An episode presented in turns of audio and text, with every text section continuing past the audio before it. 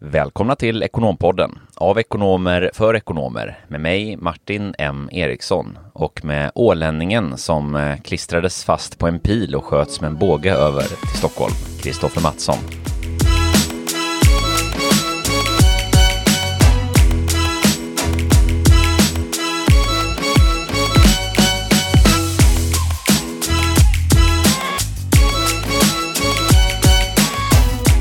Jaha, det var dags igen alltså. Det var det. Läget? Det är eh, bra, det är väldigt, väldigt bra. Eh, EM, fotbolls-EM har dragit igång.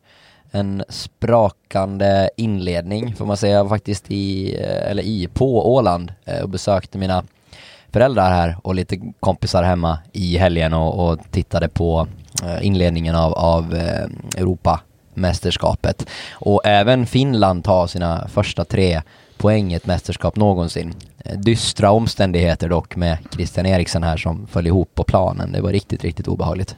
Mm, det var det och det var ju definitivt eh, imponerande prestationer ändå får man ju lov att säga. Verkligen, jag tror det var 29-1 i eh, skott eller någonting i Danmarks favör och eh, än så länge är Finland 100-procentiga då alltså. Man har skjutit ett skott på mål i den här, eh, ja, den här turneringen och man har gjort ett mål. Det är bra hitrate. Visst. ja, det är ett kul eh, EM här nu känns det som. Vi har ju faktiskt eh, tippat på jobbet här nu också ett eget EM-tips här som ju vår kollega Marcus har styrt upp. Eh, riktigt kul.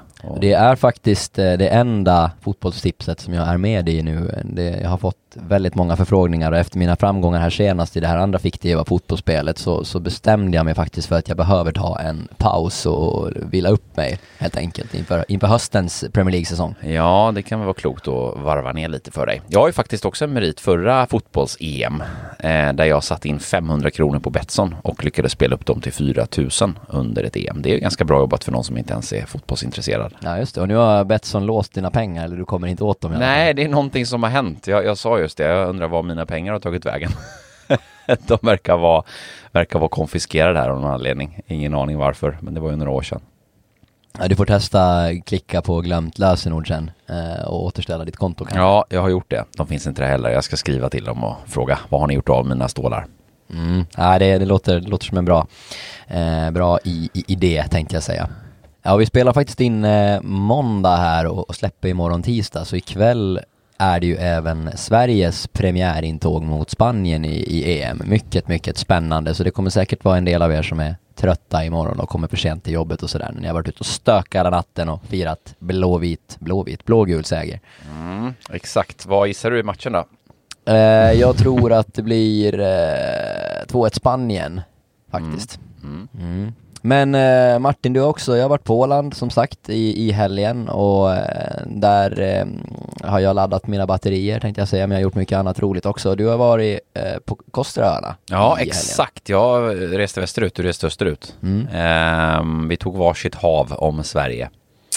Så eh, nej, vi har hängt där ute en vecka. Eh, också laddat batterierna, jobbade några dagar här måndag till, torsdag, äh, måndag till onsdag och sen så var ledig torsdag, fredag och hade riktigt, riktigt härligt med eh, ja, men skön avkoppling, matlagning, eh, lite kräftfiske och eh, annat trevligt. Så att eh, det, är en, det är livets plats kan jag säga, Sydkoster. Ligger nästan uppe vid norska gränsen. Så ganska långt norrut faktiskt. Och det är lite intressant nu coronatider för att nu kommer ju, finns ju inga normer där nu. Så det är faktiskt ganska lugnt på ön än så länge här. Det är ju lite försäsong fortfarande då, men eh, det kommer väl igång snart. Ja, just det. Mm. Så det är dags att åka dit på midsommar igen. Då blir det kajakpaddling också. Sen hade vi en liten, eh, ja, ett litet tillbud kan man, kan man väl säga här i helgen. Jag var uppe som sagt en vecka och sen eh, på fredagen så kom eh, Joel, en nära vän till mig, eh, kom upp också då, eller kom bort till, eh, till västkusten där och ehm, på lördagen skulle vi ut och köra klipplöpning. Som för övrigt är en helt fantastisk träningsform har jag insett. Jag har ju alltid gillat att springa i berg, men jag har liksom aldrig riktigt sett det som träning. Och nu insåg jag verkligen att eh, jäklar vad, eh, vilken, vilken, vilken träningsform. Det låter farligt det där. Ja, eh, jag har inte reflekterat så mycket över det. Eh, det. Det är ju det, upptäckte jag på lördagen. För det som hände var att vi skulle sticka ut då på en klipplöpning och eh, ja, inte särskilt lång tid eh, in i den så trampade Joel riktigt snett och drog på sig en, en eh, riktigt, riktigt hård stukning. Så att det var ju eh, ta sig tillbaka, läkare som fick titta på det där och jag fick köra första första hjälpen om plåstring där med mycket is och eh, eh hårt bandage runt om det här och Sen kunde vi konstatera då att det inte var brutet någonting men att det var en väldigt, väldigt hård stukning så att han har inte kunnat gå på hela, hela helgen utan det har varit sjuktransport med en golfbil faktiskt och visat honom ön. Kanske inte riktigt så som jag hade förväntat mig det. Men tillbaks till klipplöpningen då. Jag har varit ute och kört flera gånger och det, det är helt underbart. Man tänker ju liksom inte ens på att man rör på sig och det är så jäkla underbart att bara liksom flyga fram över de här vackra vyerna. Mm. Ja men äh, låter ju, låter ju helt, helt magiskt. Eh, vi tänkte också eh, återigen rikta ett, ett, stort tack här till Tobias för förra veckan och, och, när han var här och gästade oss och fått väldigt bra feedback också. Många som har varit intresserade och, och, och, ställt lite frågor och sådär och vi, vi får se om vi får möjlighet att återkomma till ämnet och, och, och sådär. Men idag så kommer vi och ta lite rygg på ett tidigare ämne som vi pratade om ganska initialt här när vi drog igång podden så diskuterade vi gigekonomi och konsultande och vi tänkte prata lite om konsultmarknaden och, och kanske vända er främst till dem idag som, som sitter i tankar och har eller ska kanske köpa in eller hyra in en, en konsult eh, in, in, in, ja, av någon anledning. Eh, och då tänkte vi ta vår take på det lite hur konsultmarknaden ser ut, lite syftet med kanske när det är lämpligt att hyra in en konsult eh, kontra till exempel att rekrytera och lite fördelar med det och, och vad man kan tänka på, lite råd och, och, tips. Ja, exakt. Vi har ju berört det här tidigare som, som du säger med gigekonomin som ju är en en stor tydlig makrotrend vi ser eh, idag som ju har en framdrift och ni som inte har lyssnat på det avsnittet eh, kan ju varmt rekommenderas att göra det. Riktigt kul förståelse för vad uppkomsten är till, till allt det här konsultandet och var det kommer ifrån och vilka som är drivarna till det och så vidare. Eh, och lite idag eh, få fördjupningen då på, på att, att hyra in eller att, att köpa in så att säga en konsult lösning till en ekonomi eller finansfunktion eller liknande. Men vad, vad ska man tänka på? Eh, vilka är syftena till att man gör det här och vad är bra att ha med sig i, i det här?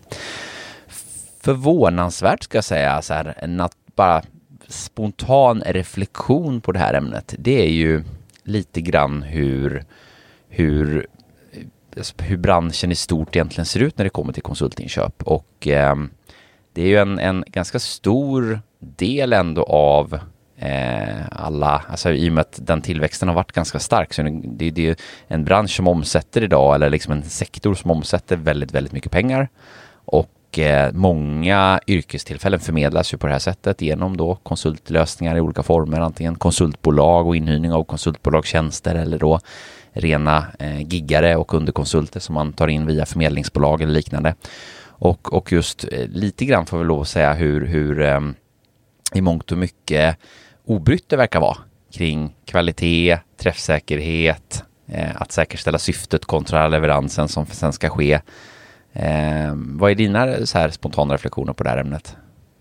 Nej men jag, jag håller med dig eh, där och det är väldigt, eh, ja men det är lite sådär, eh, ja det är lite gråzon, det är lite sådär hur jobbar vi, det, det är ganska eh, Ja, någonting som jag reflekterar över många gånger just det här med prissättning och, och just hur prissättningen ser ut. Dels hur en konsult ska prissätta sina tjänster men kanske framförallt också hur man då till exempel om man jobbar med ett, ett bolag som stöttar dig i uppdrag och förmedlar dina tjänster hur det går gentemot slutkund liksom att är det eh, jag menar man skulle ju kunna önska en viss transparens där men man hör ju samtidigt att det är förskräckliga marginaler som många konsultförmedlare tar och, och då å andra sidan då så, så sitter man och ser till konsulten att det har varit en väldigt tuff förhandling med, med kunden och att vi, vi kommer liksom bara kunna erbjuda dig det här. Mm. Och sen sitter samma konsult och, och, och mottar och attesterar fakturorna.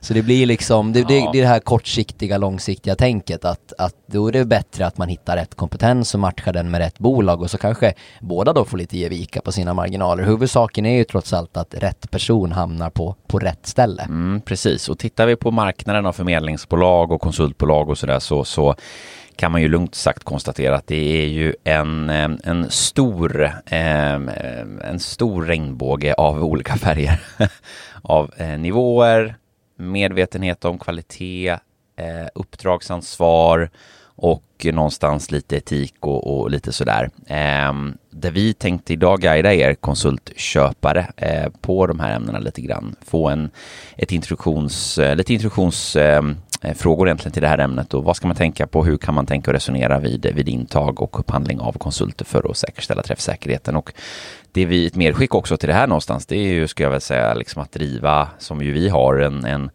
en av våra någonstans missioner i, i Talents of Swedens verksamhet som ju handlar om att driva en, en, Eh, en, en ökad medvetenhet och kravställning eh, på våra branschkollegor som jag personligen tycker är totalt undermålig idag, hur, man, eh, hur lite kravställning det egentligen ändå finns. Det är lite djungelslag som gäller här fortfarande och, och där det saknas ibland lite lite strukturer och principer för hur man faktiskt ska kravställa och, och säkerställa att, att det sköts rätt, riktigt och snyggt och framförallt med en bra kvalitet som vi står för. Att, ja, det är ju ett ganska knepigt landskap att orientera i också. Det, det, det blommar upp eh, nya liksom aktörer som, som säger sig vara duktiga på det här. Eh, höger till vänster sprider sig som bakterier nästan. Och vi har varit inne på det lite tidigare också att det ju, finns ju egentligen ingen, det finns ingen certifiering, det finns ingenting som, som legitimerar att det här är liksom, ja, vem som helst kan starta och, och förmedla konsulter i, i, imorgon och då kan man ju ha otur som kund och, och stöta på de här. Och då vill väl vi snarare sådär att de här grundläggande mm. kraven bör man nu kunna ställa och, och, det här bör man kunna förvänta sig av, av en seriös aktör. Precis.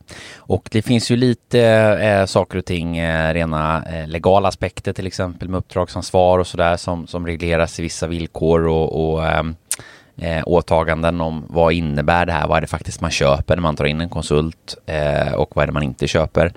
Det ska vi också försöka djupdyka lite i och få lite tydligheter kring. Så att vi kör igång. Vi kan väl börja där då. Vad, vad, vad är syftena, eller syftet eller drivarna till att eh, överhuvudtaget ta in en konsult? Jag menar många tänker ju att ja, men det kostar pengar och det är dyrt. Var, var, varför hyr man in en, en konsult egentligen? Det finns ju många skäl och orsaker till det. Ehm, det finns ju en, en sida av konsultinhyrning som ju handlar någonstans om att du får någonting som du inte alltid kan få i en anställning. Konsultuppdraget är ju förenat med att kunna ta in en specifik resurs eller kompetens vid en specifik tidpunkt, tidsbegränsat, ganska isolerat om man önskar från viss del av verksamheten Eh, för ett visst syfte och sen är man klar med det någonstans. Eh, så att det finns ju en, en, en, egenhetslista på konsultinköp, eller, eller förlåt, på konsultuppdrag eller när man tar in en konsult som, som ju, som ju är, är väldigt tillämplig i vissa fall, eh, i vissa perioder och eh, som ju då har en klar uppsida mot, mot exempelvis då, eh, alltså permanenta eh, långtidslösningar i form av anställda. Och det kan ju vara eh, exempelvis att man har behov av att täcka en vakans under till exempel en föräldraledighet eller sjukskrivning. Eh, det kan finnas arbetstoppar, att man har eh, är inne i en process, eh, till exempel håller på att förvärva en massa bolag som ska fusioneras ihop och då av den anledningen har behov av att, att få en, en, en eh, ökad, eh, ökad resurs under en viss period för det här behovet. Ehm, överbrygga rekryteringar eller överbrygga permanenta anställningar är ganska vanligt.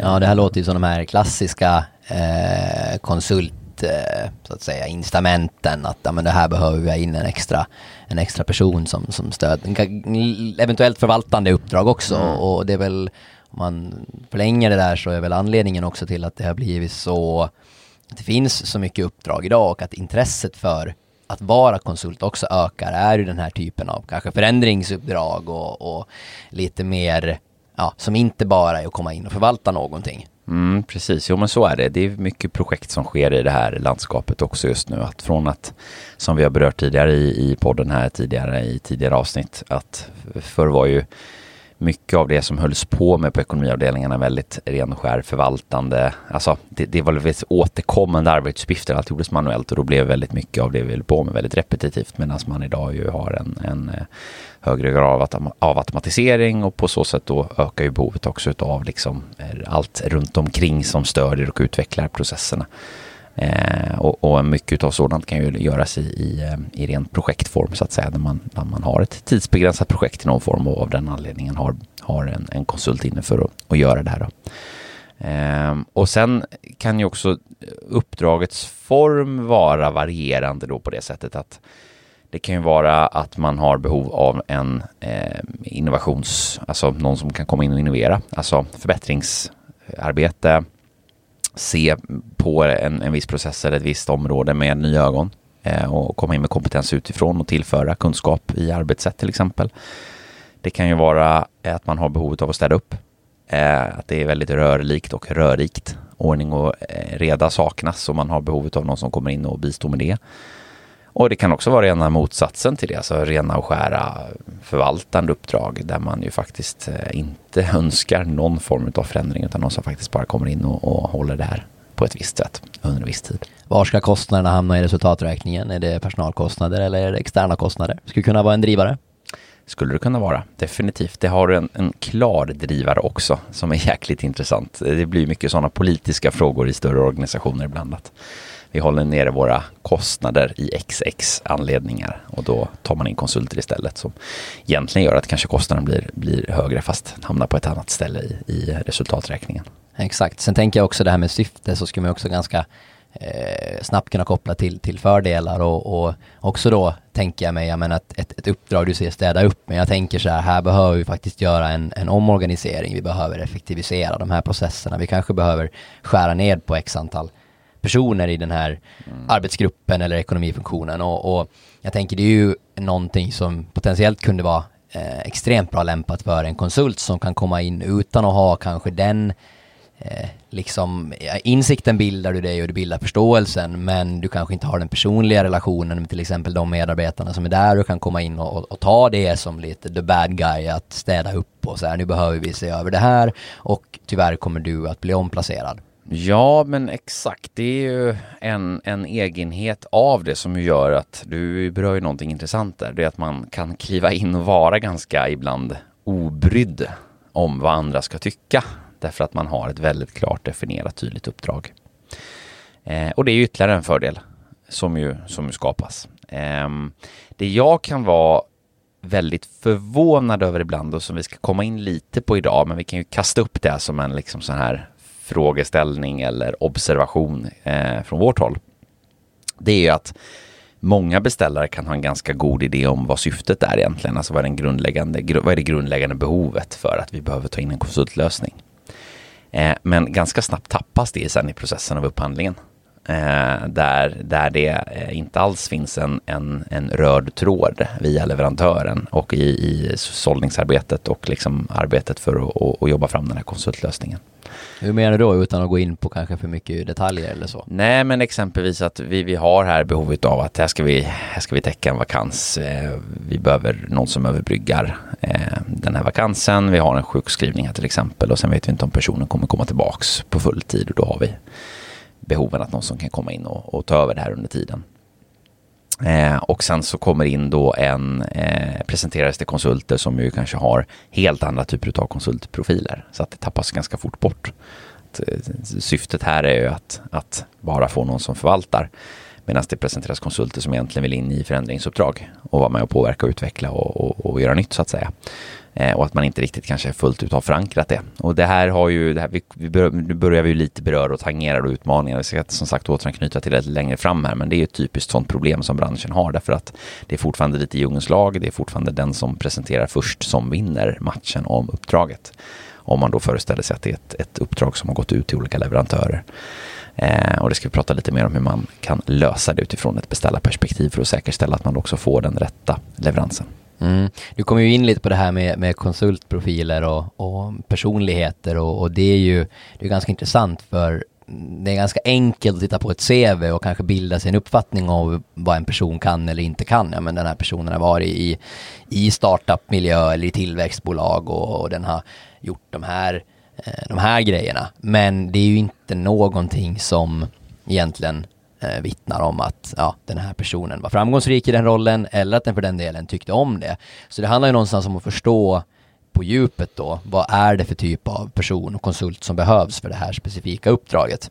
Ja men precis, och jag tänker då för att lyckas med den här konsultupphandlingen. Eh, att man tydligt för sig själv först och främst och sen då i förlängningen såklart eh, tillsammans med den eller de leverantörer man samarbetar med definierar den här konsultprofilen utifrån då eh, lite olika parametrar. Eh, vi har ju syftet som vi varit inne på som någonstans är, är en bra början för det här. Det i sin tur då mynnar ut i någon form av eh, kunskap och kompetens. Vad behöver faktiskt personen kunna för att, att vara eh, lämplig för det här uppdraget?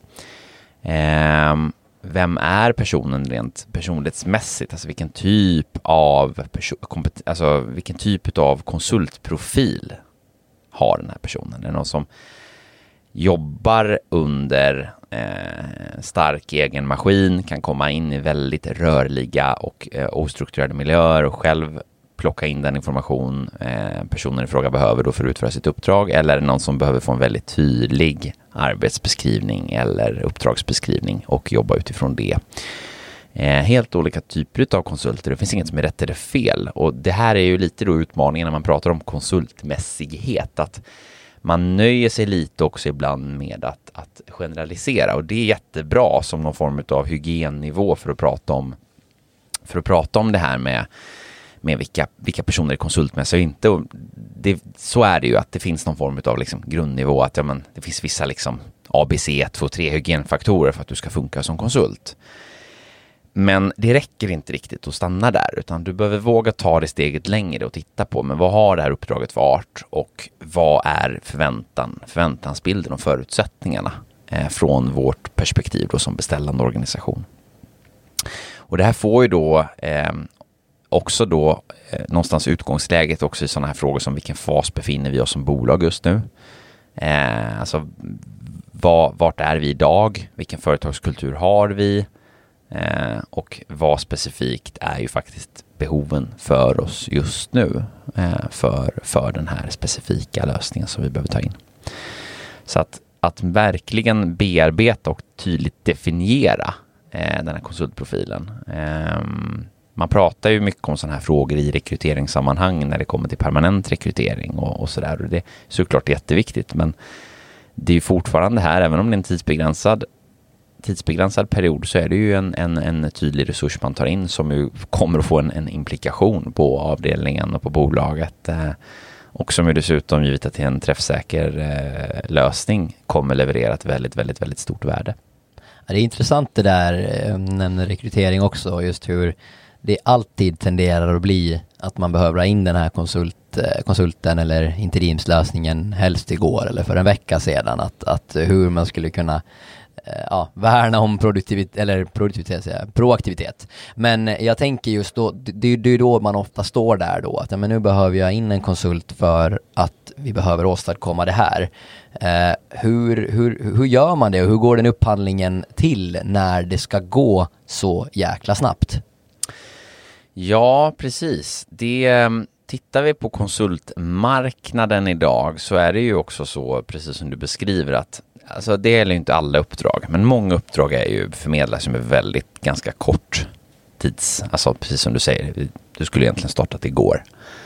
Därför att det är hastigt uppkomna behov. Eh, en del går ju att förbereda, till exempel om man har koll på en föräldravakans eller eh, planerad sjukskrivning och sådär, så går det att, att, att, lösa eh, konsultintag så att säga med, med, lite mer tid och då har man lite mer tid på sig. Eh, men annars är det ju precis så där och där har vi ju liksom en lite då en utmaning som ju blir då att kunderna är så mån om att, att få in en lösning och det behöver gå fort.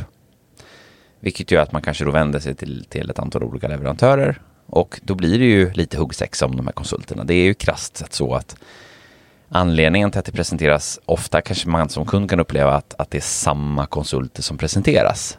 Eller liksom, det märker ju vi som, som konsultförmedlare ibland att det, det kan ibland vara att vi, vi får en förfrågan från en kund som, och den förfrågan har gått ut kanske till ett par branschkollegor samtidigt. Och det är ja. samma konsulter som vi ju någonstans pratar med och det är ju av den enkla anledningen att du, du kan ju smalna av marknaden och säga men om det finns hundra potentiella konsulter så är det ju om du tittar på att uppdragsstarten ska vara inom loppet av två veckor. Eh, ja, då har du ju, kan du ta de 100 och så kan du dela det i 24. Det vill säga årets 52 veckor delat i eh, delat i två då, eller om man nu ska räkna på det. Så att du har ju liksom en begränsad del av den här hundra konsulterna i marknaden som är tillgängliga just nu. Du har ju någonstans då eh, bara en, en, så att säga, en handfull konsulter av dem som är tillgängliga. Till skillnad från om du ska driva en rekrytering, en permanent rekrytering och det är samma antal personer som finns i marknaden, det vill säga 100. Då är ju teoretiskt sett, nu förenklar vi väldigt, men, men det blir ju att då är ju alla 100 tillgängliga. Eller inte tillgängliga, men, men som man har som en potentiell marknad. Så att det gör ju att det, det, är ju en ganska specifik del av marknaden som också är tillgänglig vid, vid en och samma tidpunkt. Och, och det här, vi ska komma in lite på hur man kan lösa det här utifrån ett beställarperspektiv, men det blir ju lite då utmaningen ibland att, att just att snabbast vinner och det, det för ju tyvärr med sig en del kvalitets, eh, kvalitetsbegränsningar eh, eh generellt sett i marknaden. Sen har ju vi som, som leverantör olika sätt att lösa det här på och principer och metodik som vi jobbar med eh, för att, att komma runt de här problemen och, och, lösa dem. Men, men det är ju minst sagt ett eh, eh någonting som man, tyck, som man som kund ska vara medveten om att går ut till flera och det ska gå fort så, så kommer det ju vara så att många kommer vilja presentera fort för att de ska få vara med i matchen. Och det är ju rimligt i den här eh känslan som nästan uppstår, alltså lite panikartade, att jag behöver ha in den här personen nu, nu, nu, nu sträcker jag efter halmstrån här och, och, drar ut det här till hela marknaden. Men precis som du är inne på så kan det ju ibland leda till att det kanske skälper snarare mer än vad det, än vad det hjälper. Om det är, det är ju en liten ankdamm, det är samma personer eh, som kanske är de konsulterna som man egentligen vill ha in eller bör ha in och då snarare så blir det det här eh, först till kvarn får, får mala lite tänket, vilket är ganska synd istället då för att man vet att ja, men nu kommer jag kunna göra mm. x antal åtgärder för att säkerställa att det här faktiskt är 100% rätt person, 100% rätt matchning för det här uppdraget så kommer det snarare bli en, en, en, en, en kamp om vem som hinner presentera först. Och det kommer ju i slutändan leda till att det tar längre tid, det kommer bli kanske vissa presentationer av konsulter som kanske egentligen inte skulle borde ha blivit presenterade från första början för att det har gjorts i all hast. Exakt, och där har du ju då också kopplat till vem är leverantören? Hur jobbar leverantören för att säkerställa träffsäkerhet? Alltså att, att man som kund kravställer lite på de här punkterna. Det upplever jag finns alldeles för dåligt av idag. Alltså man, man har ingen medvetenhet om de här bitarna som, som beställare. Eller medvetenhet har man, men man vet inte hur man ska göra det. Så man vet ju att det är viktigt, men hur? Det har man ingen uppfattning riktigt om och där, eh, där eh, är ju att våga ställa frågan. Hur jobbar ni med kvalitetssäkring? Hur, hur vet jag som kund att, att de konsulterna som presenteras faktiskt är rätt i uppdraget och hur driver ni processen för att säkerställa träffsäkerhet? Så tänker jag på det här med alltså egna konsulter, underkonsulter som har eget bolag kontra då anställda konsulter om, om det finns fördelar och nackdelar med, med det. Precis. Um det är ju, det är ju en, en stor del av marknaden ju som, som har, alltså om vi tittar på konsultmarknaden hur den ser ut idag så, så är ju, finns det en del konsultbolag som ju har enbart anställda konsulter, alltså fast anställda konsulter som ju jobbar i en form av interimsekonomi, interimsverksamhet. Hela affärsmodellen bygger på att hyra ut konsulter men de ska då anställa. Sen är det bolag som har en annan strategi, den, där tillhör ju vi de bolagen som jobbar med underkonsulter och anställda konsulter, fast då ej fast anställda konsulter utan enbart projektanställda konsulter.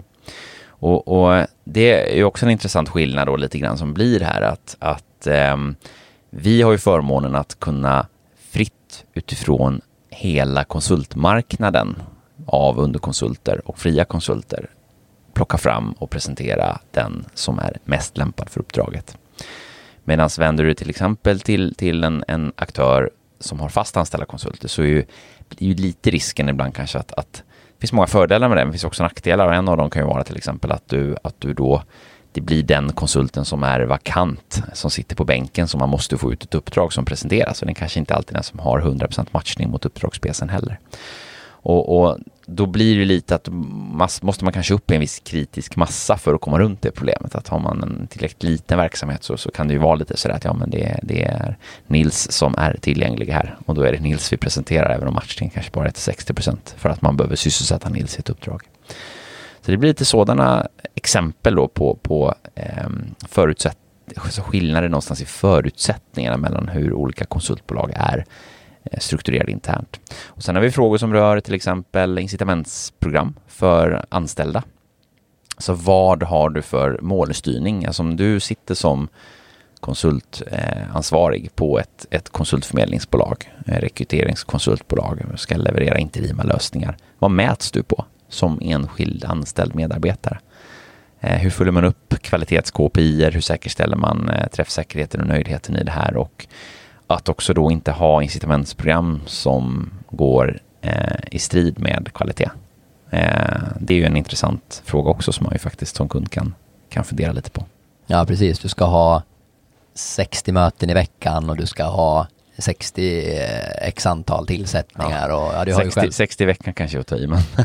Då får man ligga i. ja, nej men principen är ju precis den som du är inne på här att, att just att vad, vad målstyr man och mäter på. Men är det affärer och till, tillsättningar och fakturering och lönsamhet bara? Eh, och det är det ju någonstans i alla vinstdrivande bolag i näringslivet, men du kan ha ett kortsiktigt och ett långsiktigt perspektiv på frågan. Och det kan skilja sig väldigt mycket åt. Alltså det ska mycket till för att, eller mycket till, du ska ha ett incitament som styr och driver det på det sättet att, att eh, dra i handbromsen, det här är inte rätt konsultlösning. Kortsiktigt gör vi ingen affär, men långsiktigt bygger vi lojalitet med kunden.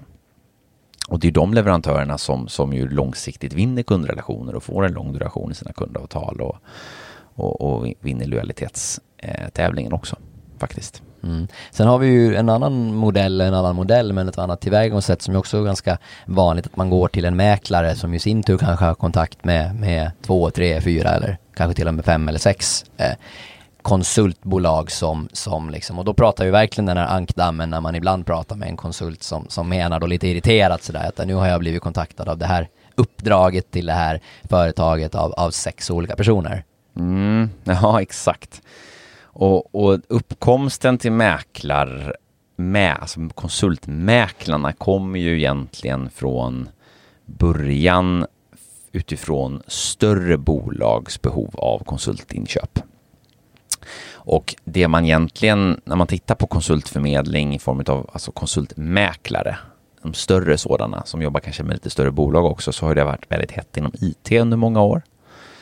Ehm, och man kan ju nästan likställa de här konsultmäklarna med, eh, det är nästan som kundens outsourcade inköpsfunktion. Det är faktiskt lite så de funkar, att istället för att kunden själv ska ha personal på sin inköpsavdelning som har kontakt och relation med alla dessa konsultbolag som kanske krävs ibland för, för att få de här kompletta, kompletta lösningarna i, i kanske väldigt resurstunga behov. Liksom. Eh, istället då för att ha en egen sådan eh, funktion så, så outsourcar man hela konsultinköpsfunktionen till då ett sådant bolag.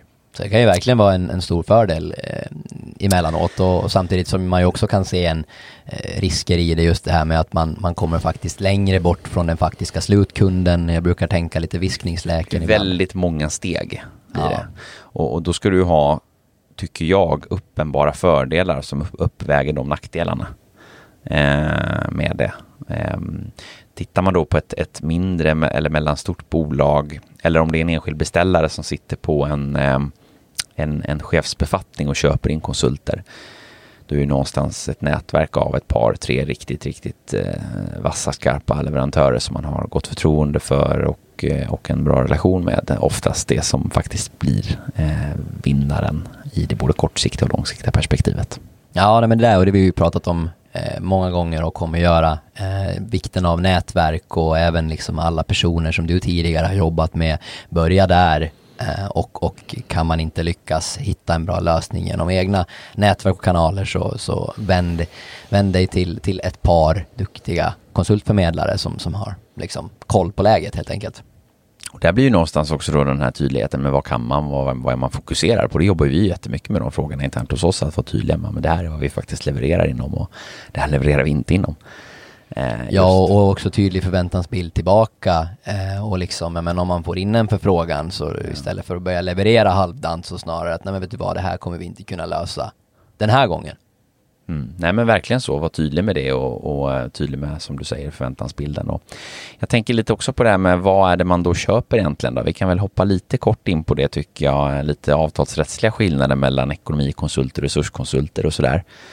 Ehm, det här är ju inte alla som riktigt har koll på det här och jag skulle väl inte kanske säga att det är så nödvändigtvis jätteavgörande men det kan vara bara lite intressant att vara medveten om de här frågorna också när man, när man köper in en konsultlösning. Det finns ju en avtalsrättslig stor skillnad mellan eh, att hyra in en ekonomikonsult och vad vi kanske då här ska förenkla och kalla som en resurskonsult eller bemanningskonsult egentligen då. Och det är ju den skillnaden att Hyr du in en, en ekonomikonsult från till exempel ett, ett, ett, bolag då som har kanske oftast anställda konsulter eh, eller liknande eh, så hyr du ju in en kompetens i form av en sakkunnig person. Där du då kanske tar in en, en, en resurs, en konsult för eh, absolut ett specifikt uppdrag men att själva uppdragsansvaret ligger hos konsultbolaget säkerställa kompetens, arbetsledning av konsulten, kvalitet i arbetet etc. Vilket betyder att bolaget som levererar den här lösningen, de levererar inte en konsult, de levererar en tjänst i form av någonting som då ska vara specificerat och bör vara då tydligt i avtal etc. Och det gör ju att du som kund och, och, och beställare kan, kan så att säga få den, eh, det är ju det du ska förvänta dig någonstans att, att det är det du får. Till skillnad från när du köper in eller hyr då in en konsult via ett eh, förmedlingsbolag eller då via ett bemanningsbolag eller liknande som då backar sina avtal mot vad man då kallar, eh, eller vad som då heter ABPU 10 och det är ju då Almegas eh, allmänna villkor för konsultinhyrning. Eh, och Almega är ju då branschorganisationen. Eh, man kan ju vara, vara medlem i Almega eh, och då är man ju eh, ja, ansluten då till alla de eh, avtal och sådär som finns eh, inom ramen. Men man kan också tillämpa Almegas villkor. Och det betyder då att då hyr kunden in en resurs och ansvarar själv för arbetsledning och kvalitetssäkring. Och där har du ju en klar och skär förklaringsmodell lite grann till varför den här branschen också till viss del ser ut som den gör. Därför att du har som uppdragstagare inget ansvar egentligen för det som du faktiskt utför. Eh, utan du har ansvar att tillhandahålla en resurs. Men den resursen i sin tur, alltså konsulten i fråga, den, den har kunden ett ansvar för att arbetsleda och kvalitetssäkra. Och här har du då en klar och tydlig skillnad. Eh, men som jag då tycker att, ja, även om det inte då är i, som i vårt till exempel ansvar rent legalt, men du har fortfarande ett, ett intresse för att säkerställa träffsäkerhet och framgång för kundrelationen. Eh, men det ska man vara lite medveten om de här frågorna just bara när man, när man tar in en lösning. I praktiken kanske det inte spelar så stor roll, för antingen så funkar konsulten eller så gör, man in, gör den inte det och då byter man ut den. Men, men det är viktiga saker att ha koll på också. Mm, intressant. Mm.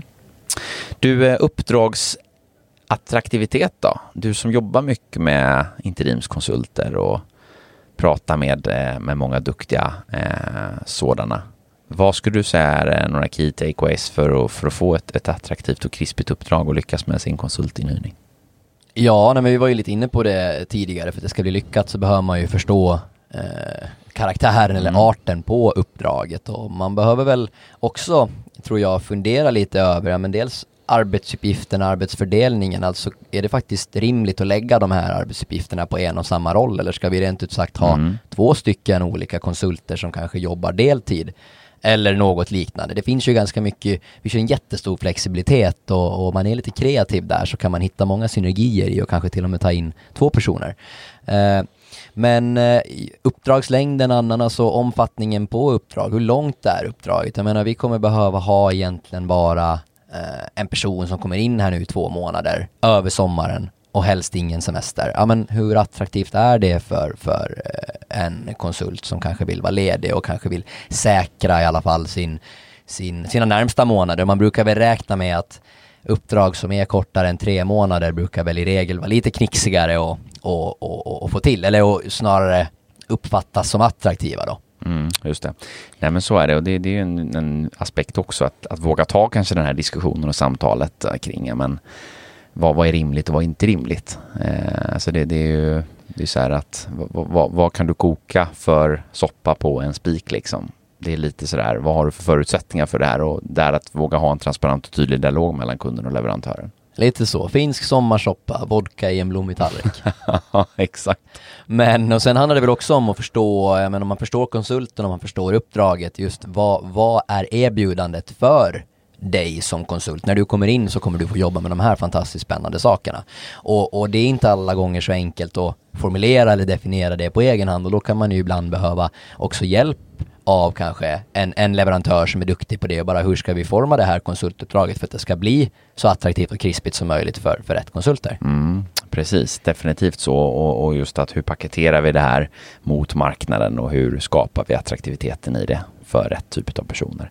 Och sen också säkerställa då att det också blir rätt, det vill säga att den bilden som målas upp gentemot konsulten faktiskt överensstämmer med förutsättningarna i det här uppdraget.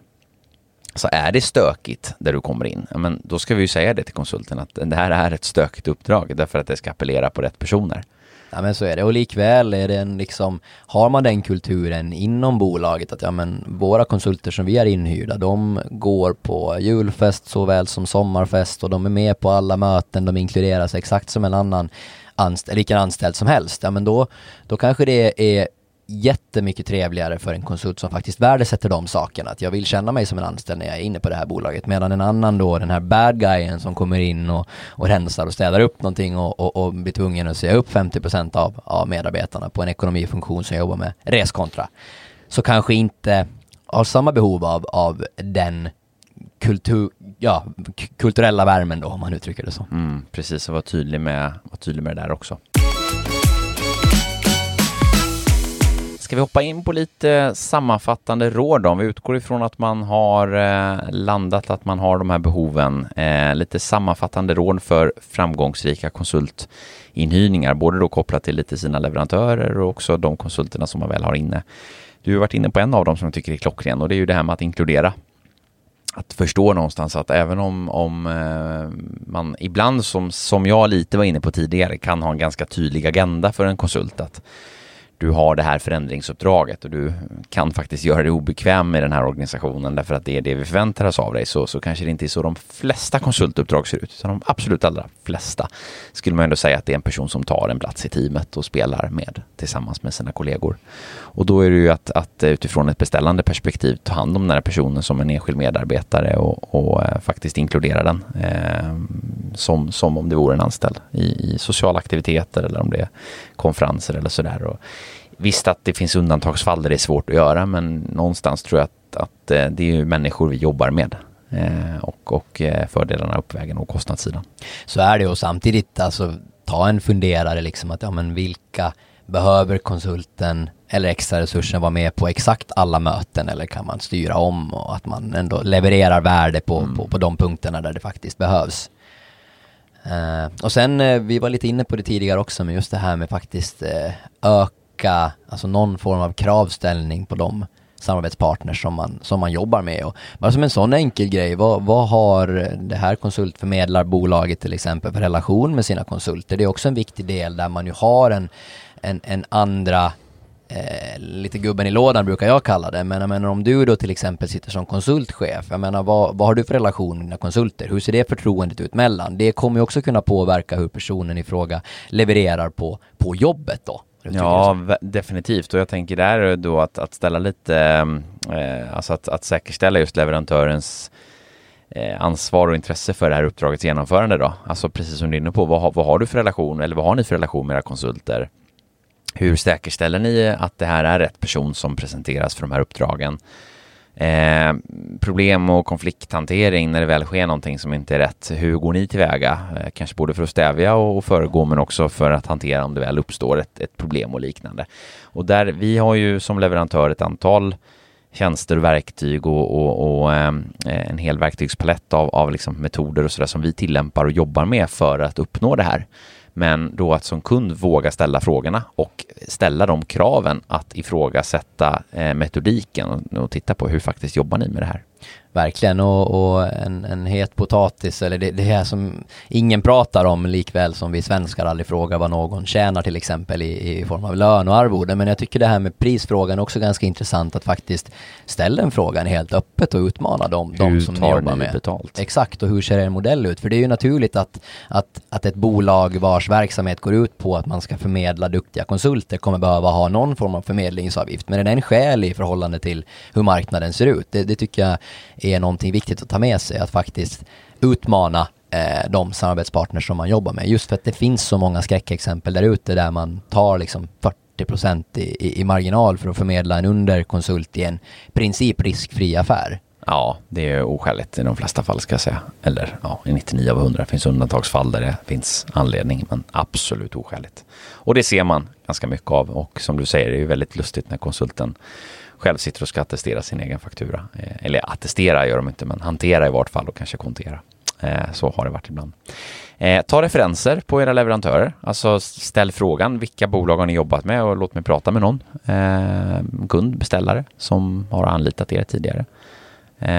Det är ett bra sätt. Och även hör runt med gamla eller gamla säger jag, men konsulter som har varit uthyrda genom det här bolaget till exempel, om, om, vi, om vi tar det den vägen, att men hur upplevde ni eh, de här delarna, eller du, eh, och hur, ja, men, uppstod något problem, hur hanterade man det och, och, och sådär. Mm. Eh, säkerställa också förutsättningarna för onboardingen. Nu har vi ju lite speciella tider. Nu börjar det väl återgå här så sakteliga i takt med att vaccinationen ändå har rullat ut och eh, man ju faktiskt kan börja träffas till viss del i alla fall. Man behöver ju inte ha det ena eller det andra, det behöver inte vara antingen eller utan det kan ju vara lite både och och det är väl lite åt det hållet det går nu också. Eh, men lite säkerställa förutsättningarna för, för eh, också träffsäkerheten i, i, i det här eh, kopplat till onboardingen när man väl ska, ska få in en ny person och Eh, att det blir en bra start också. Eh, det ligger ju i allas intresse, eh, ska jag säga. Sen en, en, en, en, apropå då corona och marknadsförutsättningar så är det ju så här att en tydlig förändring som har med det här, som har med det här att göra också, det är ju att tillgången på konsulter och hela demografin har ju någonstans förändrats här i takt med att vi faktiskt kan nu ta in konsultlösningar som kanske inte är på plats på samma sätt. Vi har så ju... ligger i, på en strand i Thailand ja, ja, men exakt. Det, det, vi märker det tydligt nu. Många nationella lösningar vi har varit med och, och skapat här nu där personerna kanske bor och jobbar egentligen i utgångsläget i andra städer och sen så kliver in på uppdrag eh, på, på städer som aldrig tidigare varit aktuella för att den rätta konsulten fanns där. Så att det är också en, en ny förutsättning som, som finns på plats egentligen eh, kan man säga. Ja, men väldigt bra. Jag tyckte det här var en, en bra, en bra första introduktion och, och, även förlängning på vårt första avsnitt här när vi pratade om gigekonomi och det här den megatrenden som vi ser då att vara egen konsult och, och lite vad man kan tänka på perspektivet då och, och köpa in och hyra in eh, konsulter. Eh, och eh, det kommer komma lite spin-off på det här eh, längre fram och även då Eh, om man svänger på det, att vad man kan tänka på för att bli framgångsrik som ekonomikonsult likväl. Precis, lite intervjuer med eh, duktiga konsulter eh, och utifrån ett beställarperspektiv och skapa in lite på valideringsmetodik och annat här framöver, hur man kan jobba med de frågorna eh, utan att avslöja för mycket. Eh, och man är jättevälkommen att prata med oss också eh, i de fallen att man har behov av råd och stöd kring eh, konsultlösningar så är vi gärna med och bistår och diskuterar tillsammans med, med er. Verkligen. Stort tack för den här gången och så hejar vi på Sverige ikväll. Det gör vi. Ha det gott. Hej.